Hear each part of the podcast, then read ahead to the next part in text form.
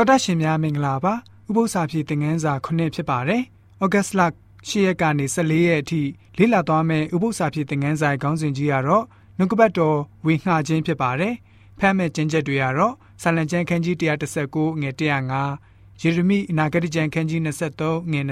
29ဟေဘရဲဩရစာခန်းကြီး1ငွေ1ကနေ3တိမောသေဩရစာဒုတိယဆောင်ခန်းကြီး3ငွေ14ကနေ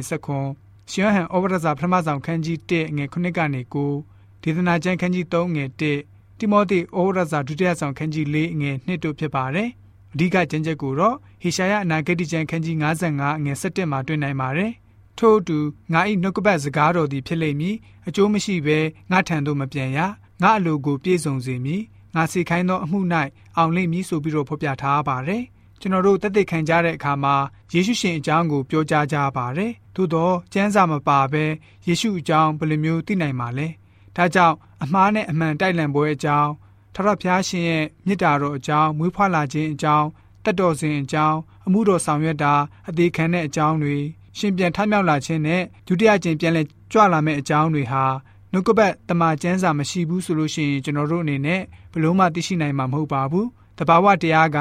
ဖျားရှင်ရဲ့ကြီးမြတ်ခြင်းနဲ့တကူတော်ကိုသာဖော်ပြနေသည့်တိုင်ကယ်တင်ခြင်းစီမံကိန်းအကြောင်းကိုမဖော်ပြပါဘူး ယေရှုဟာတန်ရှင်းသောဝိညာဉ်တော်အားဖြင့်လူပုဂ္ဂိုလ်တူဖြစ်လာခဲ့ပါတယ်။ရှမ်းခရစ်ခန်းကြီး1ငယ်9မှာဆိုလို့ရှိရင်ဟုတ်မှန်သောအလင်းမူကားဤလောကသို့ကြွလာလျက်ခသိန်းသောလူပေါင်းတို့အားအလင်းကိုပေးတော်သူဖြစ်သည်ဆိုပြီးတော့တွေ့ရပါတယ်။ထော်တော်ဖျားရဲ့နှုတ်ကပတ်တော်မပါရှိဘဲနဲ့တမန်တရားကိုရှင်းလင်းပြသပေးတဲ့တန်ရှင်းသောဝိညာဉ်တော်ဟာအကန့်အသတ်နဲ့သာလှုပ်ဆောင်တော်မူပါတယ်။ရေးသားသမျှဖျားရှင်ရဲ့ကျမ်းစာသည်သာလျှင်အရှင်းလင်းဆုံးအပြည့်စုံဆုံးဖြစ်ပါတယ် အဲ့ဒီတမန်ကျမ်းစာဟာယေရှုရှင်အကြောင်းကိုဖော်ပြပြီးတော့အသက်ရှင်တော်မူတဲ့နှုတ်ကပတ်တော်ပဲဖြစ်ပါတယ်။ဘာသာရေးခေါင်းဆောင်ကြီးတွေဟာနှုတ်ကပတ်တော်ကိုလေ့လာကြတော်လဲပဲအခြေခံသဘောတရားများစွာကိုမှားယွင်းစွာကျင့်ဆောင်ကြပါတယ်။သခင်ယေရှုခရစ်တော်အနေနဲ့ဘယ်လိုမျိုးမိန့်တော်မူခဲ့လဲဆိုတော့ရှင်ယောဟန်ခရစ်ဝင်ခန်းကြီး9ငွေ39မှာဆိုရင်ကျမ်းစာအားဖြင့်ထောထအသက်ကိုရမည်ဟုစိတ်ထင်နှင့်သင်တို့သည်ကျမ်းစာကိုစစ်စစ်ကြည့်ရှုကြ၏ထိုကျမ်းစာပင်ငါဤတက်တည်ဖြစ်၏ဆိုပြီးတော့ဖော်ပြထားပါတယ်။ တမန်ကျမ်းစာကိုမှန်မှန်ကန်ကန်နားလည်သဘောပေါက်လာမယ်ဆိုရင်တွင်တင်ချက်မှန်သမျှဟာ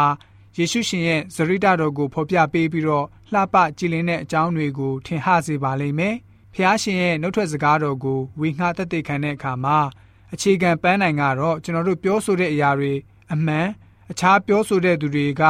မှားတယ်လို့ဘယ်တော့အခါမှသဘောမထားရပါဘူးကျွန်တော်တို့ဝင်ငှနေတဲ့အရာအလုံးဟာ ယေရှုရှင်ရဲ့လက်ပါတင့်တဲ့ခြင်းအကြောင်းတွေကိုသာဖော်ပြပေးဖို့ဖြစ်ပါတယ်ဆိုပြီးတော့ဥပုံနဲ့ဥပု္ပ္ပစာဖြစ်တဲ့ငန်းစာကဖော်ပြထားပါတယ်။